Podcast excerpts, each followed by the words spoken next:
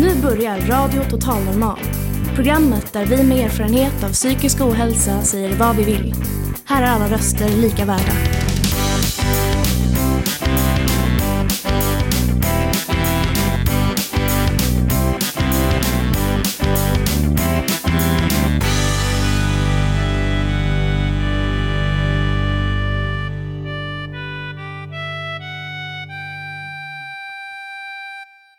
Hej alla musikentusiaster! Hjärtligt välkomna till Radio Total Normal, ditt psyke i etern.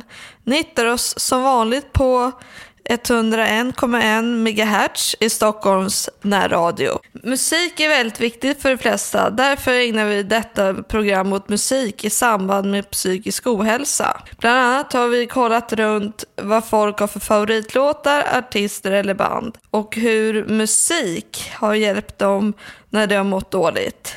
Själv har jag grottat ner mig i Beach Boys värld. Det kommer jag till i slutet av programmet, så hold on. Vi bjuder även på poesi, tankevärda ord och så kommer det del två i följetongens röst från okänd plats som ni hörde första delen av i förra programmet. Jag som är programledare och håller i Beach Boys-delen heter Elinor Ernqvist Östlin. Hjärtligt välkomna till dagens program. Nu river vi loss!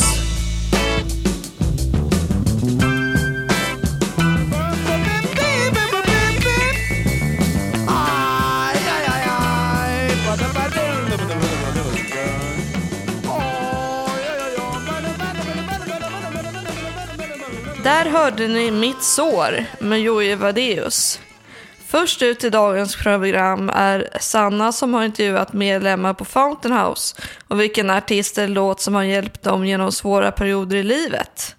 Eh, har du någon eh, favoritmusik eh, eller artist som har betytt mycket för dig under svåra tider? Ja, alltså det är ganska många band. Jag har sett ganska mycket konserter och en eh, var ju mm, Rolling Stones och han, deras låt You can't get, eh, get anything you, eh, everything you want. Och jag tycker liksom om du försöker ibland så går det bra. Så, kan, så kanske du kommer någonstans på vägen menar de och det tycker jag var bra sagt av dem. Jag förstår. Eh, är det någon annan eh, låt eller någonting som du har betytt mycket eller så? Alltså det är massor av artister. Jag tycker jag, jag, bara, jag bara virrar runt i huvudet liksom. Så att, eh, de flesta artister tycker jag är bra. Och får man se en artist som eh, verkligen tar upp eh, ens egen identitet och sådär så, så är det jätte, jättekul att höra. Ja, det är Mando Diao. Och Mando Diao med deras musik och deras fantastiska texter, det är som identitetsmarkör för mig. Att gå på konserterna som jag har gjort sedan jag var 13 år, eh, ha tröjor hemma, ha affischer, ha skivor, ha pins. Alltså, de har ju funnits med mig hela min tonårsperiod och efter det förstås tills nu. Och eh, de har liksom format mig rent musikaliskt med att hitta liknande artister och band. Till exempel ett band som heter Sugar Ferry. Jag har spelat piano sedan jag var sju år och jag tycker om Chopin väldigt mycket. Det har betytt mycket att spela hans musik. Har du något favoritstycke? Nej, inte direkt. Jag, hans verk är väldigt bra, alla tycker jag. Ja. Jag förstår. Tack så mycket Frida. Tack! Jag har en fråga. Vilken musik eller musikartist har betytt mycket för dig under svåra tider?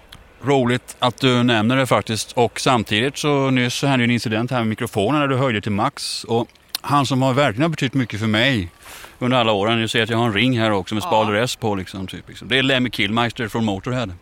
Han höjde alltid volymen till max när han skulle soundchecka så att folk alltså, som inte hörde hemma i konsertrummet försvann. Liksom, typ så här. Och jag ägnar min kärlek och eh, lika mycket som jag ägnar, folk ägnar så här god Gud, älskar jag han är tyvärr idag. Liksom. Han dog ju för fem år sedan, eh, fyra dagar innan julafton, då, eller efter. Lemmy Killmeister eh, och Motorhead. Motorhead. Mm. Låter intressant. Finns det någon, någon annan artist eller musikstil som du, som du eh, verkligen eh, njuter av eller har betytt mycket? Inte som känns lika mycket in i själen som hårdrock faktiskt, eller metal, tyvärr. Mm.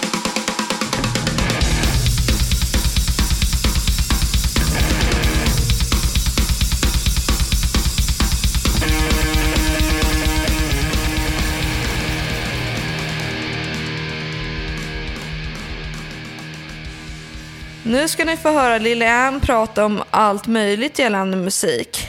Vad musiken betyder för henne själv, hur man gör musik och, på, och vilken favoritlåt hon har. Varsågoda. Jag har funderat lite grann på det här med hur man gör låtar. Och jag antar att var och en har sitt eget sätt.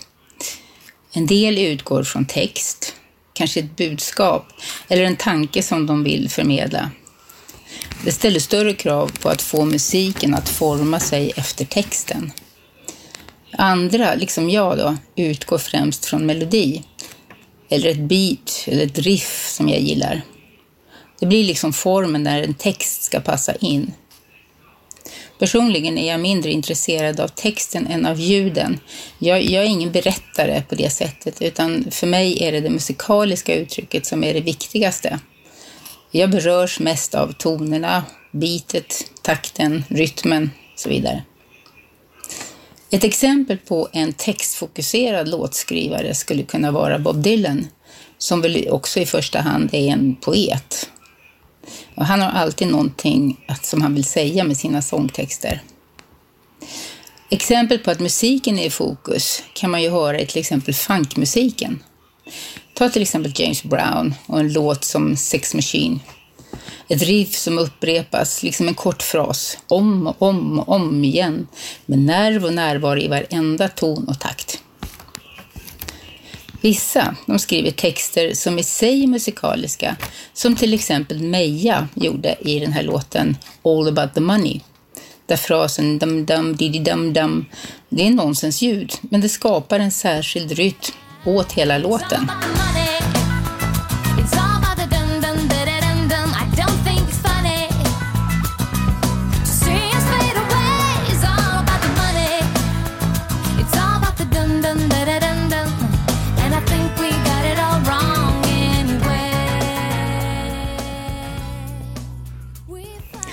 På samma sätt så har ju Danny Saucedo gjort med sin nya låt eh, som var med i Melodifestivalen här i, i första omgången eh, med, hans, med, sin låt Dan di dansa. Det är också en massa dan dan dan di dan dansa dansa eh, som också bildar en rytm och som skapar den här låten väldigt mycket. Eh, häromdagen så blev jag bekant med en helt ny lyriker som också skrev med orden som ljud och rytm. Eh, hon heter Harriet Lövenhjelm och hon har skrivit dikten Är jag in till döden trött? Eh, två av verserna de går så här. Är jag in till döden trött? Ganska trött. Mycket trött. Sjuk och trött och ledsen. Lång var vägen som jag nött. Ingen liten vän jag mött. Är trött. Ganska trött. Sjuk och trött och ledsen. Kom och hjälp mig för Guds skull. För min skull. För din skull. Du som ensam kan det. Världen är av sorger full. Allt som glimmar är ej guld. För Guds skull. För min skull. Hjälp mig, du som kan det. I programmet som visades på SVT1 förra veckan fick vi också se hur Amanda Ginsberg och Filip Ekestubbe, en pianist, gjorde en låt av den här texten. Eh, jag tror, det heter, jag tror programmet hette Helt lyriskt. Det, det har varit någon tre till fem avsnitt eller så. Eh, och det var intressant att höra hur de försökte skapa en musikalisk stämning som återspeglade den här texten. Eh, ja, eh, musik kan ju också ha en terapeutisk betydelse, vilket jag kan uppleva då i Harriet Löwenhjelms dikt. Den speglar mig i mina mörkaste stunder då både ångest och fysisk smärta vill ta över. Det kan ju tyckas underligt att finna tröst i en text som är så mörk. Men det kan faktiskt lätta att någon sätter ord på mina känslor. Den blir något att spegla sig i och känna att här är jag inte ensam i alla fall. Att spela glättig musik när man är vemodig kan kännas allt för långt ifrån och svårt att identifiera sig med. Och vi behöver alla bli sedda. Och musik och lyrik kan verkligen vara till stor hjälp här. Eh, min favoritlåt, alla kategorier, det är You got a friend med Carole King. Den här låten hörde jag första gången någon gång på 60-talet då jag kände mig väldigt ensam och inte hade några vänner. Så att ha vänner och att själv vara en god vän det har alltid varit viktigt för mig. Eh, delar av texten den går så här. When you're down and troubled and you need some loving care nothing, nothing is going right. Close your eyes and think of me and soon I will be there to brighten up even your darkest night. You just call out my name, and wherever, wherever I am, I'll come running to see you again. Winter, spring, summer, or fall, all you have to do is call, and I'll be there. Yes, I will. You got a friend. Häromdagen så, så lyssnade jag på, ett, en, på Anders Hansen i hans tv-serie som heter Hjärnan som går nu på SVT, ettan. Eh, och där berättade han om att just runt 14-16 års ålder eh, är den period i ens liv som känslolivet är som starkast. Alltså en förälskelse som inte är besvarad eller en, ett förhållande eller en kärleksrelation som går sönder. Det, det är 9-11 som gäller. Alltså det, är, det är så starkt känsloliv man har på den, vid den tiden i ens liv. Och jag var just i den här åldern, 15-årsåldern eller någonting, när jag hörde den här låten för första gången. Så det kan ju också vara en av anledningarna till att den har gjort så djupt intryck på mig.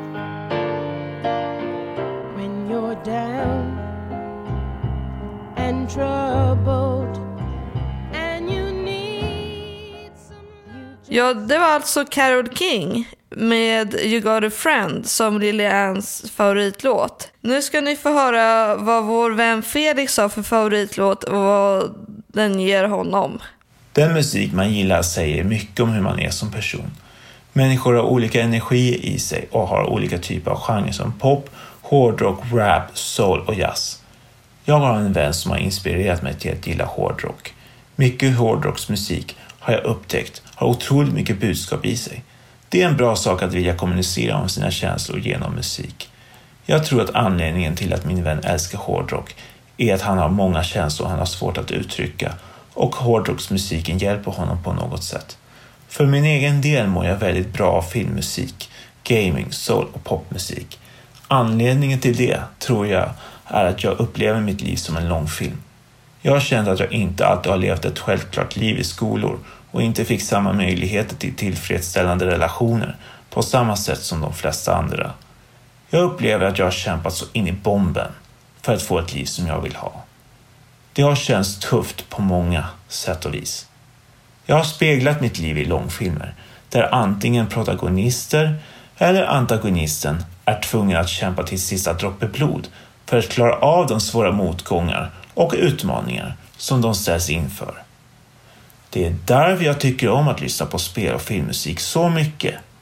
Jag relaterar direkt till det. Jag har även lyssnat väldigt mycket på soulmusik. Varje gång jag har känt mig ledsen och varit nere på botten har soulen tröstat mig fantastiskt mycket där. Utan soulmusik skulle jag ha mått sämre. Popmusik har jag lyssnat mycket på för att försöka övertyga mig själv om att mitt liv inte bara innehåller det som jag har varit missnöjd med utan saker som jag är nöjd med också. Popmusiken får mig att hamna i good feeling och får mig att känna att mitt liv är kul på många sätt och vis. Utan popmusik har jag nog bara stört mig på saker här i livet som jag inte hade lyckats med, helt i onödan. Speciellt på grejer som jag önskade starkt att jag hade lyckats med, men inte uppnått. En artist som jag kände känt en stor lugnhet och mått bra av att lyssna på är Stevie Wonder har lyssnat mycket på honom. Han har fått mig att känna en glädje och närvaro och jag har inte gått runt omkring och varit missnöjd över saker hela tiden. Min favoritlåt är Superstition. Den är väldigt medtryckande och det finns en sådan rytm och feelgoodhet i den. Varje gång jag lyssnar på den får den mig att må bra. Häromdagen lyssnade jag på texten för första gången. Jag blev förvånad över att texten handlade om vidskepelse och att man inte ska tro på dumma grejer. I mitt fall tolkar jag vidskepelse som fördomar. När jag har blivit felaktigt bemött så har det oftast handlat om fördomar mot folk med Aspergers syndrom. Musiken är så otroligt happy och texten är det inte. Det blev dubbelt bra. Jag blir väldigt glad av låten. Den hjälper mig att, med att glömma bort alla de stunder i mitt liv jag känner mig som mest besviken. Vilka låtar får er att må bra? Och glömma bort alla stunder ni har mått dåligt.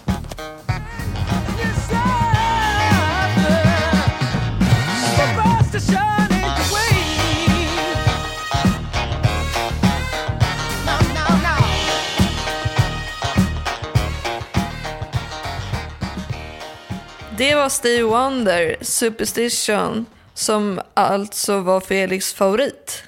Nu lämnar musiken ett ögonblick för att höra vad Gunilla och Lars har att säga om Siri och Google. Vem pratar man hellre med? Vem ger mer info och kan Siri funka som en vän om man är ensam och uttråkad kanske? Ja, lyssna får ni avgöra. till, då blir den stabil. Och då ser man också, då rullar de här siffrorna också. Nu kommer det Så med då på vår Så här. just Så att om man, om man ser att det rullar, då, då spelas det in alltså. nu kommer med i vårt inslag här, det blir trevligt. Säg hej Ja, till, pu- roligt. Säg hej till publiken. Ja, ja, kom. Hej, hej! Vad roligt att det här inslaget blir till nu. Hoppas vi. Hoppas vi. Okej Malin, tack för Hoppas hjälpen. Ja, men vi hörs sen. Ja, hej. Lycka till. Hej. Ja. hej. hej. Men du, du var ju i Spanien när pandemin satte igång. Och du fick vara hemma i din lägenhet under ganska lång tid. Eh, och du har ju berättat lite grann vad du, vad du roar dig med. Kan du, bland annat, kan du berätta? Eh, till början med kan jag berätta att det inte var så, så väldigt roligt överhuvudtaget. Det var ju lockdown så man fick egentligen bara gå ut en gång per vecka. Och då nödvändiga som att handla eller gå till apoteket. Det var till och med militärer som stannade en på gatan. Det var riktigt eh, läskiga tillstånd. Och I början eh, så följa väldigt mycket med på nyheter på radio eller på tv framförallt och vad som hände. Och då, sitta ensam och höra på det, då skrämmer man ju upp sig själv. Och då insåg jag att man måste hitta på någonting skojigt att göra. Och då såg jag på lite skojiga saker på tv. Men eh, jag kom också på ett annat sätt att roa sig. Jag har ju eh, en smarttelefon med Google-assistenten och inte Siri.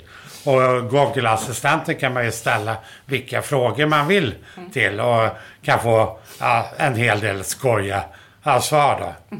Ja. Lärde du massa grejer eller? Eh, Jo, jag lärde mig en del grejer, men framförallt så var det ett sätt att få tiden att gå och under, underhålla sig eh, med det hela.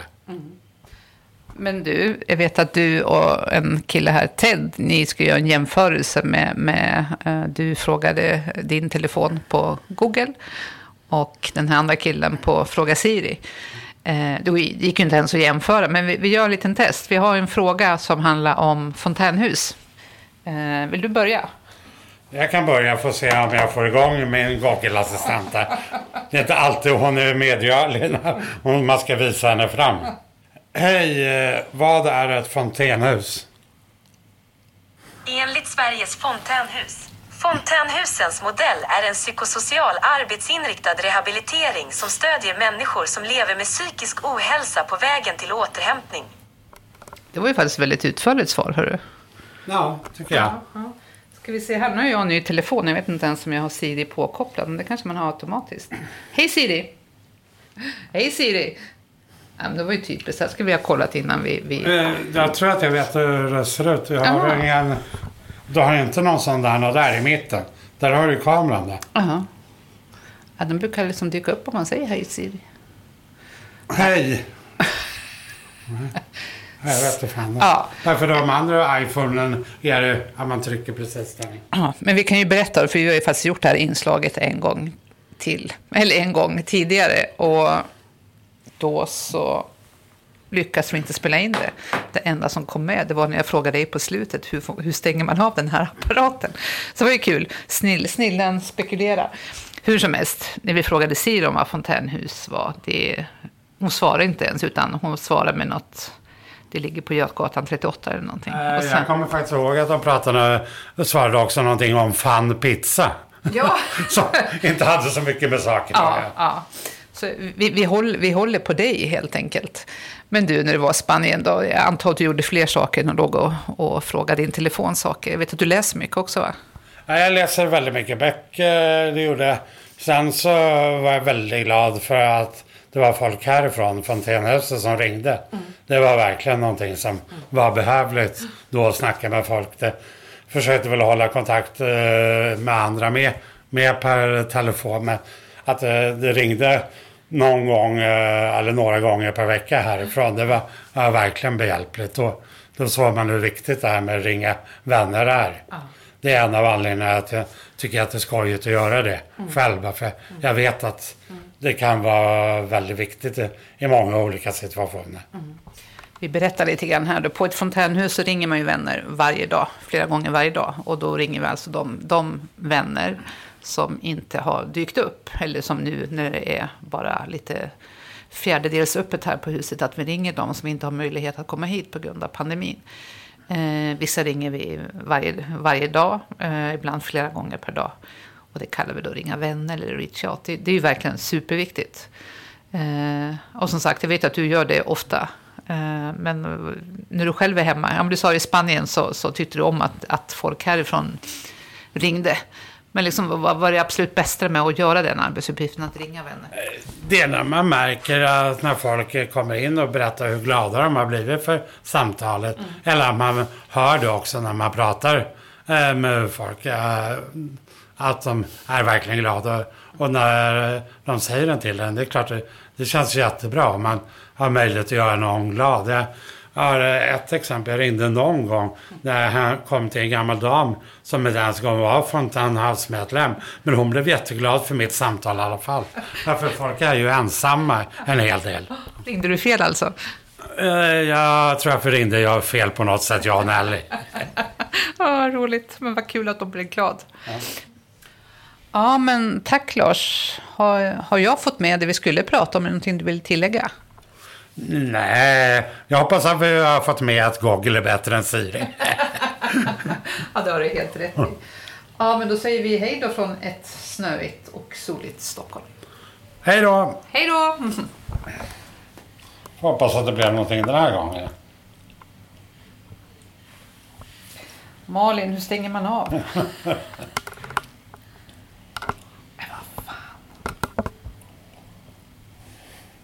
ser ju inte vad som står, men jag bara stänger av batteriet här nu, eller strömmen, så ja. hoppas vi på det bästa.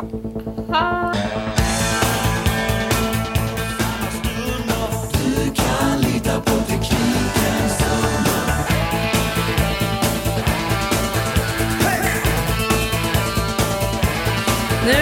Nu till musiken och ni ska få höra ett inslag om den ryska kompositören Sergej Rachmaninov som kanske inte alla har hört om förut. I alla fall hade inte jag gjort det. Det är Frida som berättar om honom. Hej, jag heter Frida Järborn och nu ska jag berätta lite om vem Sergej Rachmaninov var. Sergej Rachmaninov var en tysk tonsättare, pianist och dirigent som levde mellan åren 1873 och 1943. Biografi Rachmaninov föddes 1873 i Ryssland. Hans mor var pianolärare och han kom tidigt i kontakt med musiken. Han började sedan att studera vid konservatoriet i Sankt Petersburg. Han ville helst av allt bli kompositör, men efter att ha fått mycket kritik för sin första symfoni kom han att satsa mer på pianokarriären. Under 1900-talets början började han turnera i Västeuropa och något senare i USA och hans popularitet i västvärlden ökade stadigt. Efter den ryska revolutionen 1917 flyttade Rachmaninov till Schweiz där han var bosatt till 1935. Efter det flyttade han till USA där han spenderade sina sista år. Något som var utmärkande för Rachmaninov var hans stora händer. Musiken Rachmaninov anses vara den sista kompositören inom den romantiska musikepoken.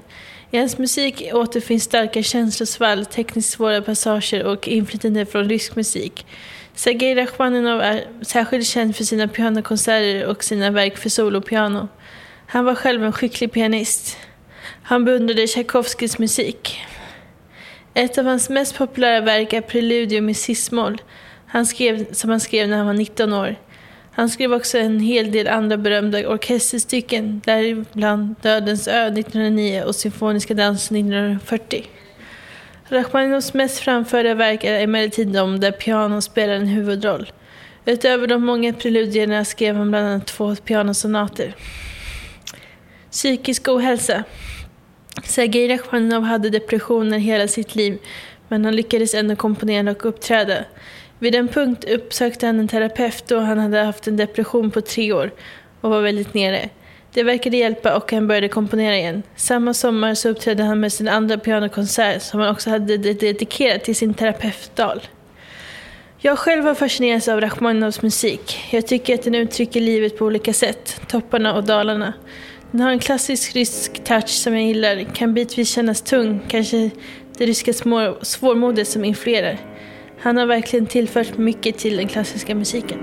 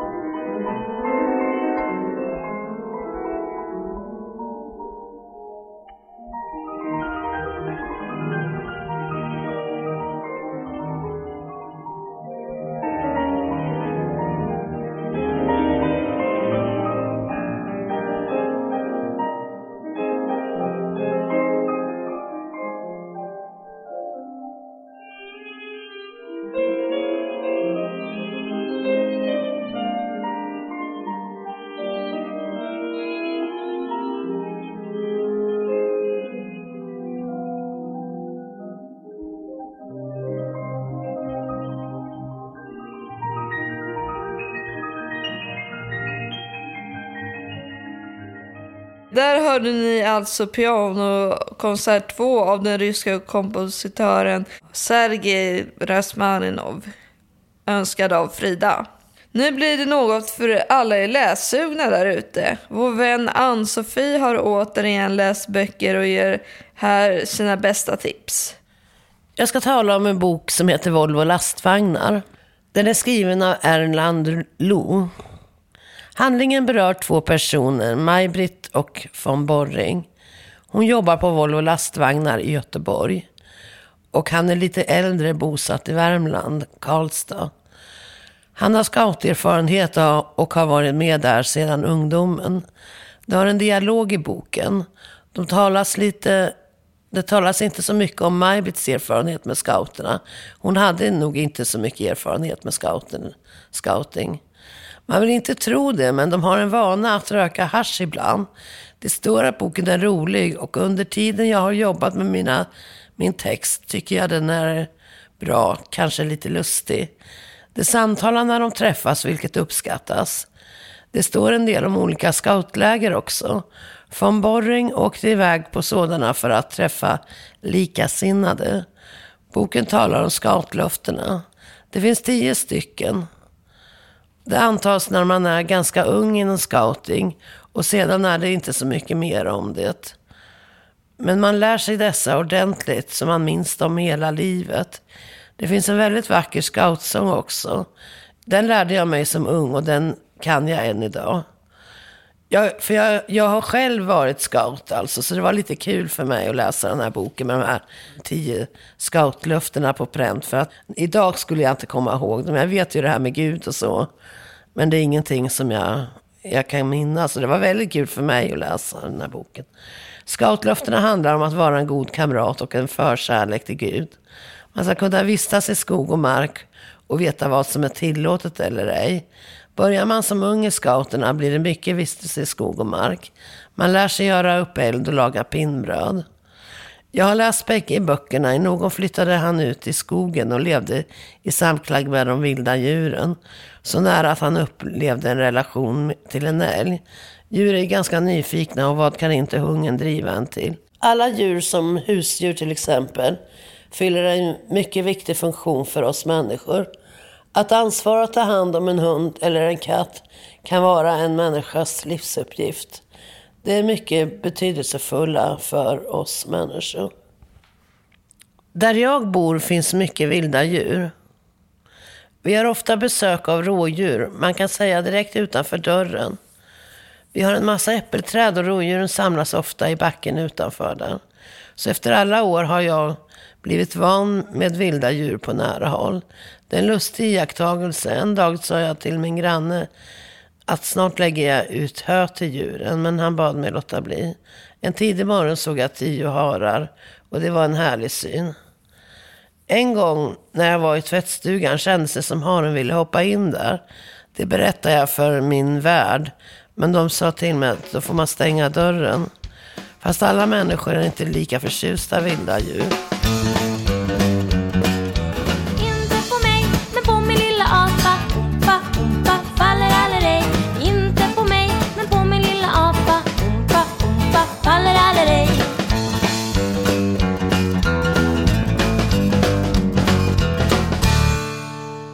Här kommer en jobbannons från Gustav. Jag är inte brandman, motocrossförare eller polis. Men jag pluggar business to business-säljare på Affärshögskolan. Nu söker vi praktik på företag som arbetar med att sälja produkter till andra företag. Kan du eller ett företag du känner till ta emot praktikanter under hösten 2021? Mitt namn är Gustav Frändfors. Jag är 30 år och bor i en bostadsrätt i Stockholm. Jag är öppen för uppdrag under sommaren 2021 och perioden vecka 49 till 52. Du når mig på mejladressen gufrandfors gmail.com. Nu ska Kristina berätta vad musiken betyder för henne. Musik har betydelse i olika sammanhang. Jag kan till exempel tycka att det är kul att dansa till musik när jag känner takten och inlevelsen. Det har ordnats väldigt mycket konserter, operor och teaterföreställningar för mig och mitt sociala sammanhang. När man märker att en konsert är tillägnad till en sociala grupp och sammanhang kan man tycka att det är en aha-upplevelse. Man förstår precis vad de vill säga. Jag går i en musikskola har jag erinrat mig. Det sa att jag sjunger jättebra. Och då tycker jag förstås att jag var bäst. Men sen märkte jag att jag fick jämföra med, med Sveriges största rörelse. Jag vet inte hur många körsångare det finns i det här landet. Men bland en halv miljon människor blir man ganska osynlig. Det var inte den osynliga människan som jag trodde jag var när jag klarade intagningsprovet till musikskolan.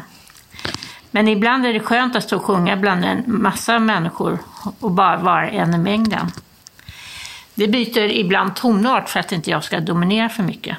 Man blir bättre på att sjunga ju äldre man blir. Äldre människor klagar ofta på att de har blivit sämre. Men i själva verket har de bättre, blivit bättre om de har sjungit hela sitt liv. Jag, spel, jag har spelat piano det senaste halvdygnet. Det vill säga de sista 15 kalenderåren. Och jag har spelat minst en timme om dagen. Ibland är det hopplöst att sätta sig vid pianot.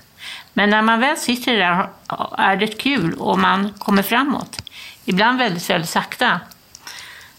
Men går framåt. Det sägs att om man gör något i 10 000 timmar blir man proffs. Jag har nu hållit på i 15 kalenderår. Alltså 15, eh, eh, en halvtimme det senaste dygnet. Men ett proffs blir man, för, blir man om 10 år. 10 år är minst 80 000 kalenderår.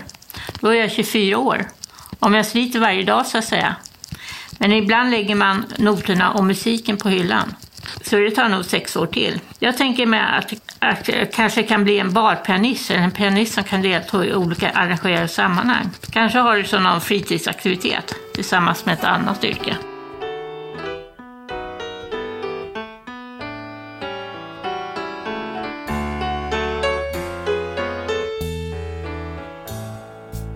I'm nothing special, in fact I'm a big. So I say thank you for the music,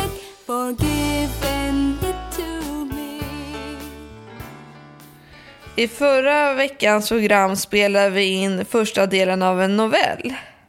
Den heter Röst från okänd plats och är skriven av Agneta Källström. Hon fick i 25-årsåldern diagnosen schizofreni. Idag är hon 58 år och har i novellen skildrat hur det kan vara när sjukdomen smög sig på. I förra avsnittet hade hon börjat jobba som ingenjör på ett stort företag där hon först trivdes men där saker som inte verkat så härliga började dyka upp. Hon hörde röster i sitt huvud som hon säger olika saker till henne. När vi lämnade berättelsen så var det juletider och Agneta hade varit på midvinterblodsfest med några vänner. Och nu när vi åter kommer in i berättelsen går december över till januari. Den som läser är Birgitta. Januari 1988. Hela konstruktionsavdelningen, runt 40 personer, vår VD Ulf och en managementkonsult befann sig på ett hotell. Vi satt i en ring i en stor, ljus, vacker konferenslokal med spröjsade fönster och utsikt över en liten sjö. Man kunde ana en försiktig sol bakom de gråvita molnen som sakta gled över himlen. Det var tyst i lokalen och stämningen var tryckt. Holger, en liten skallig man som hade doktorsexamen i psykologi, ledde processen. Känner ni att det är elektricitet i rummet? Vi ska nu gå en runda och ni ska få säga precis vad ni vill till er VD, sa konsulten. När det blev min tur sa jag, du klarar inte av att delegera ansvar. Du tar alla beslut själv. Det gick ett kraftigt sus genom hela lokalen. När vi kom ut ur lokalen såg jag att Claes stirrade på mig och att det fullkomligen blixtrade ur hans ögon. Christer var inte där. På kvällen satt vi i hotellets bar. Veden bjöd alla på drinkar. Ledarskapskonsulten Holger satte sig bredvid mig. Han frågade om jag ville följa med upp på hans hotellrum. Jag sa nej. Men vi kan bara kramas lite. Jag sa nej. Han fortsatte. Jag har fantasier om dina bröst. Jag kände en lukt av sprit och dålig andedräkt från den gamle mannen. Ursäktade mig, tog min drink, reste mig och gick till ett annat bord. Två dagar senare var vi tillbaka på kontoret. Christer kom in till mig, knackade mig på axeln och sa kort. Kan du komma in på mitt rum? Jag kände på mig att det skulle komma något obehagligt. Inne på sitt rum tände han en cigarett och drog ilsket i sig den stickande röken och blåste ut den igen med en överlägsen min. Alltså, nu är det så här. Att Claes, Bengt och Martin har sagt till mig att du inte klarar av ditt jobb längre. Han spottade fram orden fort på en vass och intensiv skånska. Och vi vore jävligt tacksamma om du sökte nytt jobb. Det kändes som att få en kniv i magen. Jag blev kallsvettig. Då hörde jag rösten igen som sa Vänd andra kinden till. Jag sa Det är klart att jag ska söka nytt jobb om du vill det. Jag håller med om att jag inte varit så duktig. Jag vet fortfarande inte var den där rösten kom ifrån och inte heller varför jag svarade som jag gjorde. Det var ju inte så länge sedan han hade sagt till mig att jag var jätteduktig. Tycker du själv att det inte går lika bra längre? Ja, och jag skäms. Jag fick en känsla av att han i själva verket var fruktansvärt rädd. Samma kväll kände jag mig konstigt nog oerhört lättad. Jag började åter läsa platsannonserna i Göteborgs-Posten. Men upptäckte snart att det nästan inte fanns ett enda ledigt jobb att söka som ingenjör längre. Björn tyckte inte att jag skulle säga upp mig förrän jag hade ett nytt jobb. Dagarna gick och jag var kvar på jobbet. Jag fick inte längre utveckla programvara utan satt och testade dataprogram, vilket inte var lika roligt. Februari 1988. En natt drömde jag att två precis likadana killar kom fram till mig.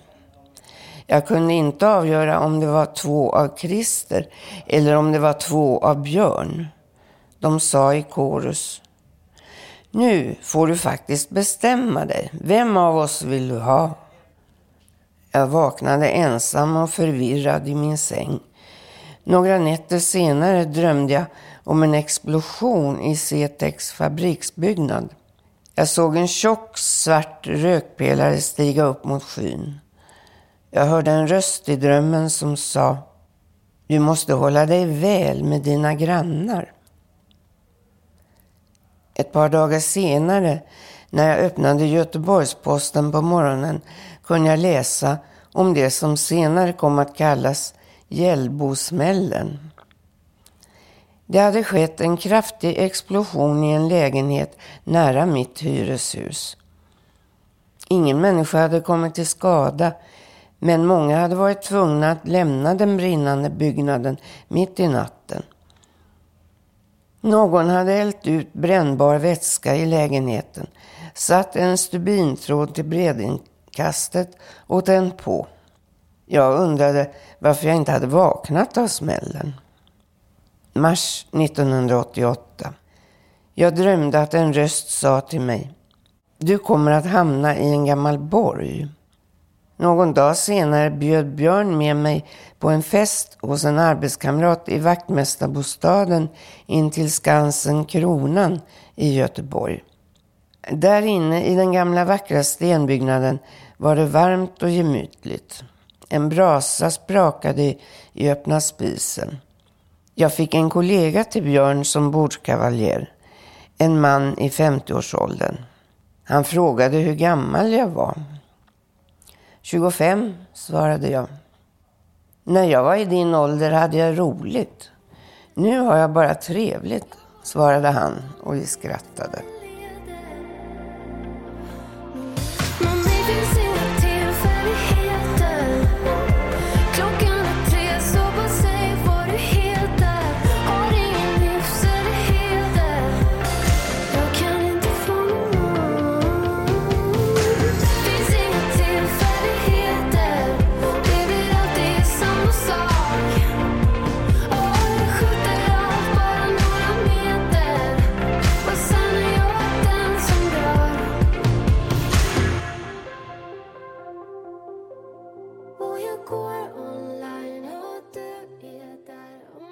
Innan låsten läste Birgitta andra delen ur Agneta Källströms novell Röst från okänd plats.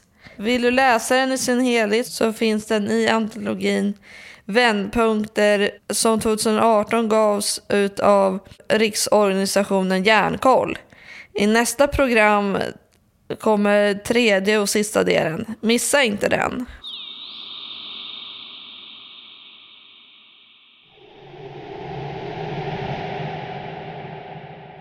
Nu ska ni få höra två dikter.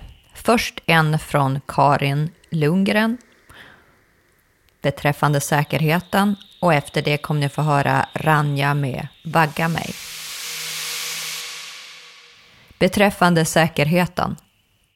Man kan aldrig vara säker på någonting. Det är det enda man kan vara säker på.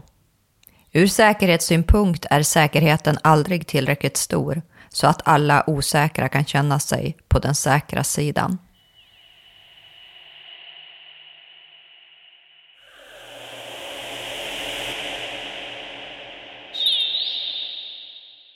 Vagga mig varm, viska mig vägen till vila och vara. Gunga mig lugn, glimra mig glöden att göra och leva.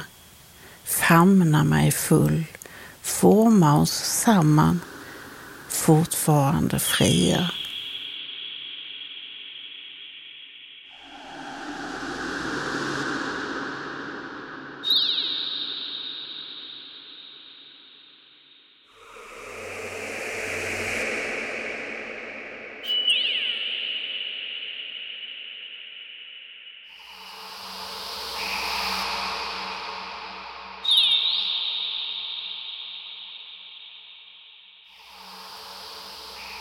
Mellan och efter dikterna hörde ni en låt av Sofia Johansson. Nu går vi tillbaka till musiken och vi ska nu följa Elinor som har frågat några på Fountain House om vilka låtar de tycker har varit väldigt betydelsefulla för dem. Har du någon ar- favoritartist som har hjälpt dig i svåra, tuffa tider? Eh, ja, alltså jag gillar eh, Enya väldigt mycket. Och hur har hon hjälpt dig? Eh, alltså jag vet inte. eh, Alltså hon är, hon är bra. Alltså jag gillar hennes musik. Hon eh, får mig att må bra. Har du någon speciell låt som är extra uppåtpiggande? Nej, alltså jag, jag, tycker, jag tycker om eh, hennes eh, första skiva som kom. Eh, så jag vet inte vad de heter. Jag har ingen koll på vad de heter, låtarna. De har i alla fall betytt mycket för dig. Ja, det har de. Absolut. Det är mycket minnen och sånt som jag har till eh, hennes musik. Jag har ingen riktig favoritlåt, men eh, jag tycker om att lyssna på pianomusik när jag är stressad. Ehm, som vilket stycke då? Jag tycker om att lyssna på alltså, väldigt lugn jazz med mycket piano. Det får mig att varva ner och eh, ja, känna mig lugn. Och liksom rensa huvudet lite grann och eh, känna mig bättre till mods som jag haft på det en stund. Det kan vara väldigt skönt tycker jag. Okej. Men eh, är det utan sång då som gäller? Ja, det brukar vara mest utan sång, men alltså det, det kan vara någon som sjunger också. Men jag, jag föredrar instrumentalt. Okej. Absolut. Men när det är sång, tycker du att texterna betyder väldigt mycket för dig? Nej, jag, jag är lite dålig på text när jag lyssnar på musik. Jag fastnar mer för när det är liksom lugna harmonier. Och, Ja. ja. Känslan i det? Ja, det kanske är känslan. Jag har inte riktigt tänkt på det på det sättet. Men det är, det är nog känslan jag vill åt, absolut. Ja. Det, det är, om man vill eh, komma ner lite varv så är det väldigt skönt med musik som bara liksom, eh, pågår lite lugnt i bakgrunden och får ner pulsen lite. Det är ju en av de svåraste frågorna man kan få tycker jag. För att det är så här musik, det, det är olika musik som är viktiga under olika tider i livet. Så. Men jag har jättestark relation fortfarande till The Ark. För det var typ den musiken jag lyssnade på när jag var 12. Och som liksom när man var ledsen eller liksom kände sig utanför eller någonting. Då var ju det så här riktigt bra kampmusik. Ehm, så jag tror att jag kan fortfarande lyssna på The Ark och känna samma känslor av att känna mig stärkt som jag gjorde när jag var 12 och lyssnade på den musiken. Ehm, så liksom just känslomässigt måste jag säga det. Eh, har du någon favoritlåt med dem? Ja, alltså jag tycker Tell me this night is over är jättefin. Den är ju väldigt så här dramatisk, men det är det jag tycker om med den. Och det är det jag tycker om med The Ark tror jag överlag, att de vågar vara lite så här teatraliska ehm, och känna mycket. Så jag tycker man känner med dem och verkligen i den låten, speciellt med körerna. Och liksom, det är så himla dramatiskt och härligt. Var du på sista The Ark-konserten på Gröna Lund? Nej, jag var inte det. Det här är faktiskt ett minne jag har. För jag gick i gymnasiet om jag inte minns helt fel. Och så tänkte jag att jag hade, liksom, jag hade det där framför mig. Och sen så satt jag, hade varit ute en hel kväll och liksom såg i tidningarna dagen efter och bara säga jag har missat det. Men de skulle ju köra en reunion tour nu eh, som jag faktiskt köpte biljetter till men sen blev det ju inställt på grund av corona. Men jag har en innestående biljett att se dem när det väl går. Så jag fick en andra chans på den där sista konserten till slut. Så jag väntar på den. Vilken känsla.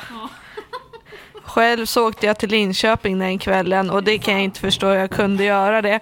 Missa hela alltet på grund av Linköping. Vad gjorde vi med våra liv? Jag vet inte. Ska du ta en till chans då när de spelar och se dem?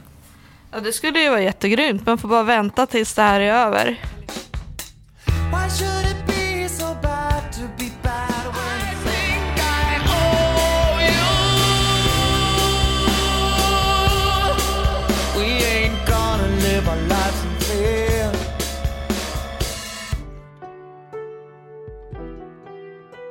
Hej och välkomna till avsnitt nummer två av Populärmusikrevolutionen. Dagens avsnitt ska handla om något så revolutionerande som bandet Beach Boys. Vad gjorde Beach Boys musik revolutionerande och hur påverkades musikjättarna Beatles av skivan Pet Sounds? Något intressant är hur det var med Brian Wilsons låtskrivande och en gång bandmedlemmens psykiska ohälsa. Hur han hade det när han skrev musik i världsklass. Beach Boys var till en början ett surfrockband från Kalifornien och bildades 1961. Det var en grupp killar som sjöng stämsång. De sjöng om det glada livet med surfingkulturen i Kalifornien. Bröderna Brian Wilson, Dennis Wilson och Carl Wilson med kusinen Mike Love och deras vän Al Jardin bestod bandet av. Deras manager i början hette Murray Wilson och var bröderna Wilsons, bröderna Wilsons pappa. Han styrde bandet med en järnhand och var väldigt bestämd och hård och detta kan ha påverkat Brians hälsa. Håll i er, för här kommer låten Don't Worry Baby.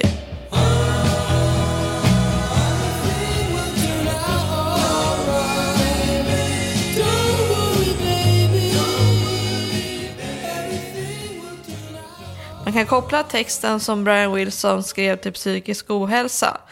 Att försöka ta till sig att allt blir bra i tuffa tider. Många kan känna igen sig textraderna. Well, it's been building up inside me for oh I don't know how long. Efter surfenvågen som gjorde band populära ville inte längre Brian vara med och turnera eftersom han blev nervös och blyg på scenen. Han kände som låtskrivare och den som skötte inspelningen till bandet att han ville komponera något nytänkande och något banbrytande. Precis så som det också blev. Det han gjorde var att skriva något som ändrade musikindustrins sätt att se på musik. Skivan hette Pet Sounds och kom ut år 1966. Tanken var att överträffa Rubber Soul-skivan med Beatles. Han använde sig av Wall of Sound-tekniken som galningen och producenten Phil Spector var först att skapa.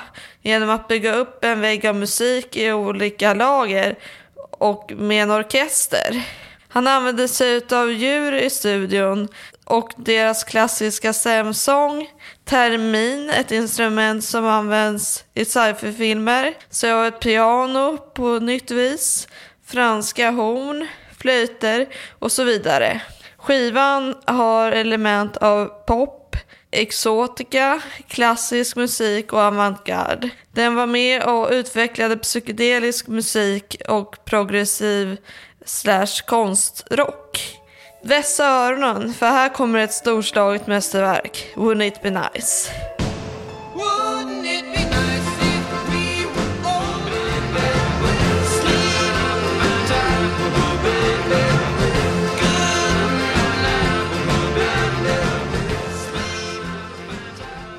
En kamplåt för en framtid av mindre stigma kring psykisk ohälsa tolkade jag det som. Låten går som många andra låtar att förknippa med psykisk ohälsa. Att i framtiden är vi jämlika. En dröm som kanske blir verklighet om man tror att det historiska och framtiden kan göra det bättre för oss alla som kämpar med psykisk ohälsa. Wouldn't it be nice? En som kämpade med just psykisk ohälsa var Brian. 60-talet som är känd för sin drogkultur just i musikkretsar och då LSD var populärt för att bredda sinnesbilden. Också när man höll på med musik. Brian föll för det och drogerna sägs ha påverkat hans psykiska välmående plus uppväxt med en stenhård manipulativ pappa. Om man redan är känslig sedan uppväxten kan drogerna ha triggat igång någon form av schizoaffektiv diagnos som enligt den självbiografiska filmen Love and Mercy gjorde att Brian behövde ha en gode man. Först feldiagnoserades han med paranoid eh, schizofreni av en läkare. Denna gode man var hemskt kontrollerande, hade kontroll över medicinerna, vem Brian fick träffa och umgås med, det sägs att Brian inte gick upp ifrån sängen på flera år. Han lyckades bryta sig loss från denna fruktansvärda gode man och när han mådde bättre så gjorde han en soloskiva som fick mycket bra respons, Smile. Tillbaka till Pet Sounds. Eh, Paul McCartney hade hört ryktet om skivan när den producerades. Han kom till Beach Boys studio och blev mäkta imponerad. Han fick inspiration eh, till Sgt. Peppers Lonely Heart Clubs bandskivan och det blev succé. Resten är populär musikhistoria. Två olika skivor som sägs vara en av de viktigaste och mest nyskapade, mest inspirerande eh, genom tiderna inom populärmusiken. Två klassiska exempel på någon något revolutionerande inom musikens värld. Härmed avslutar vi programmet genom att suga på en revolutionerande karamell. En låt som också kan tolkas och göra med psykisk ohälsa. På så vis kan man känna att de man har runt omkring sig finns med i svåra stunder, trots allt. Här kommer mästerverket You still believe in me.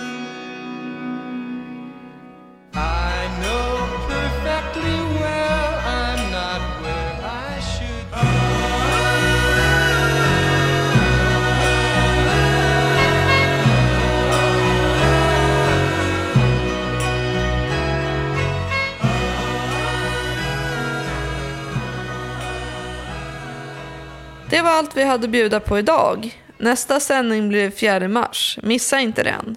Har du något att berätta och vill vara med i programmet kan du höra av dig till malin.radiototalnormal.se. Det går att spela in på mobilen och skicka in. Du kan alltid lyssna på oss via vår hemsida www.radiototalnormal.se. Där ligger alla våra program samlade. Du kan också hitta oss på Facebook, Twitter, Instagram och där poddar finns. Radio Total Normal drivs av mediehuset Fan Singo med stöd från Fountain House, Socialstyrelsen och ABF. Tekniker Johan Hörnqvist, producent Malin Jakobsson och jag som pratar idag heter Elinor Ernqvist Östlin. På återhörande. Jag har här en liten melodi åt dig, en Och samma små, små ord av kärlek till varann.